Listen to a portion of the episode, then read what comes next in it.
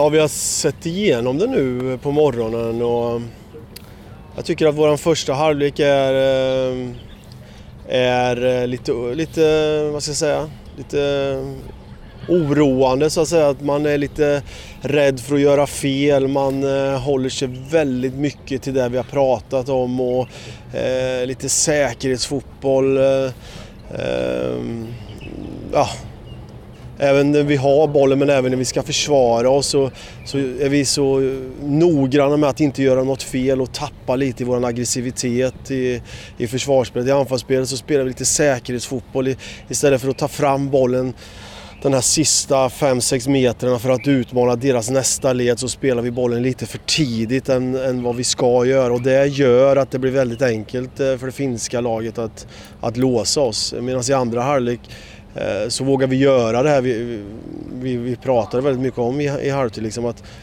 gör det ni är bra på liksom, och spela ut den fotbollen som ni klarar av. Ta den här extra metern, eh, sök fri yta. Ni behöver liksom inte följa allt slaviskt som vi har pratat om utan det är mer eh, för att de ska hitta sina utgångspositioner. Och jag tror de funderade ganska mycket medan i andra halvlek så, så släppte lite allt det här.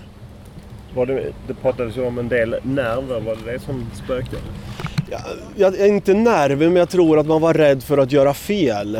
Eh, och där får ju vi ta på oss en del men samtidigt så är det ju utbildning, eh, en sån här samling för dem. Att vi tycker det är viktigt att vi får ut vårt budskap. Hur vill vi spela försvarsspel, hur vill vi spela anfallsspel? Och de, de följde det rent slaviskt hela tiden och det gör att man, man, man tar inte så mycket egna initiativ.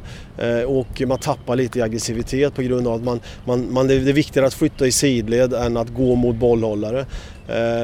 Men under de åren jag har varit med i, i, runt landslaget så är det oftast första matchen, första halvlek så är det väldigt mycket att man är inne och, och känner på det liksom och Eh, Medan finnarna hade ändå tio man som har varit med i deras ordinarie A-landslag så jag tror att de hade en del hjälp där på träningen.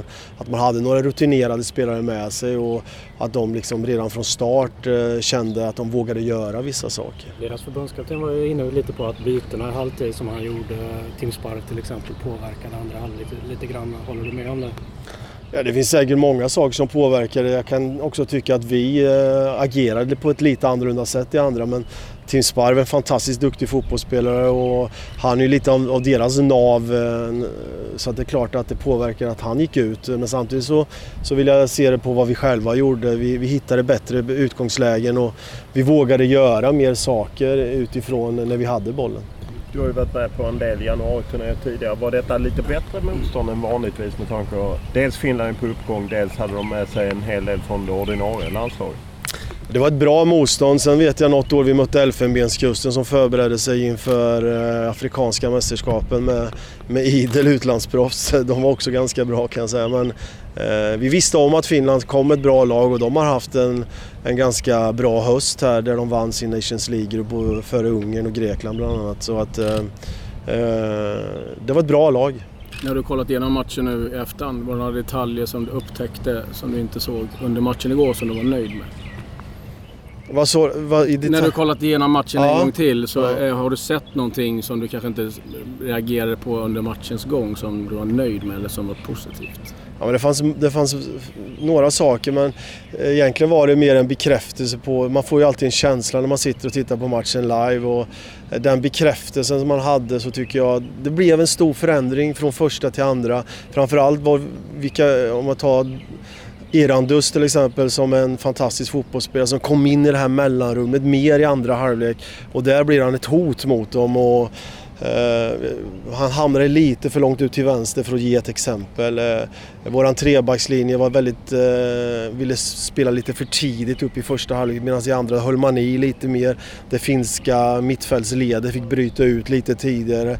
Så allt har ju en samhandling. Liksom, gör man rätt saker Eh, så får man också ytor. Men vi spelade bollen lite för tidigt i första, vi hade dålig rörelse, vi hade lite för brett på vårt mittfält som gör att det är väldigt enkelt att försvara mot. Vi vill ju vara ett hot mot, mot finnarna och, och där tyckte jag det blev en stor förändring i andra. Jag vet inte hur mycket du har sett han Gökeres, men blev du för, förvånad eller vad var ditt intryck när du såg det han gjorde igår när han kom in?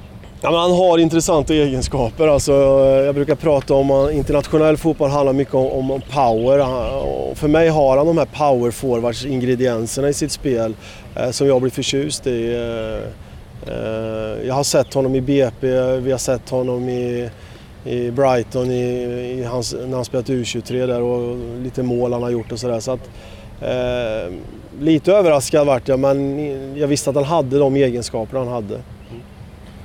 Om man ser till honom just och det svåra med att spela U23-fotboll. Hur länge kan man göra det om man verkligen vill nå landslaget? Nej, men jag tycker det är positivt att eh, Brightons tränare hade ett samtal till Janne här innan samlingen och han fick ju vara med i deras A-trupp och han var väldigt nöjd med Viktor så att eh, fortsätter han att eh, jobba stenhårt varje träning så tror jag inte han är så långt borta eftersom han fick vara med i A-truppen senast. Kan du konkretisera mer vad en powerforward är?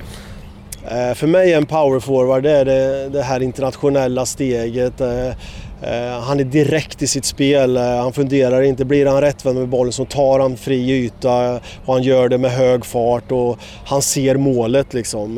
Jag tycker om det där att lite självisk när han får lägen också. Han tar skotten liksom. Han funderar inte så mycket. Och, och tittar man lite på Premier League så är det lite där liksom in och, och vinn duellen, ta ytan, gå på avslutet. Det är power för mig liksom. Det, han funderar inte överhuvudtaget utan han är direkt i sitt spel. Tibbling, var det Brönnby som kallade hem och ville ha hem honom eller vad? Eh, nej, det var det inte utan vi tog ett beslut att eh, han kommer inte kunna träna fotboll här mer utan han, efter den stukningen och då så ringde vi och tog kontakt med, med Brönnbys eh, Eh, medic, medical staff där och då tycker vi att det är bättre att han rehabiliterar sig hemma än att vara här nere där han ändå inte kan göra någonting. Alltså, eh, lite tagen ut och lite ledsen var han är igår? Ja, men Simon är ju en eh, hundraprocentig professionell fotbollsspelare som förbereder sig på bästa sätt och vill visa upp sig. Han fick den här smällen ganska tidigt när duellen med team kom så att eh, han var väldigt ledsen tror jag för att inte kunna få eh, visa upp sig fullt ut, ut för oss. Och, tråkigt för Simon för att eh, det är en underbar kille och en härlig människa att jobba med. De här kommande dagarna, Peter, vad kommer ni jobba mest med?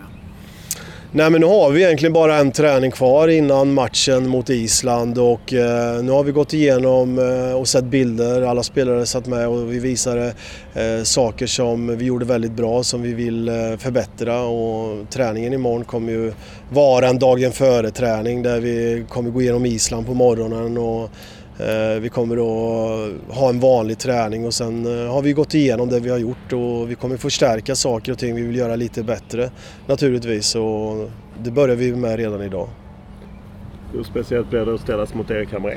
Nej, men det är både Erik och Lasse känner jag ju väldigt väl och eh, två bra kompisar och eh, man vill alltid vinna över sina kompisar så att eh, vi ska göra allt vi kan för att vinna matchen.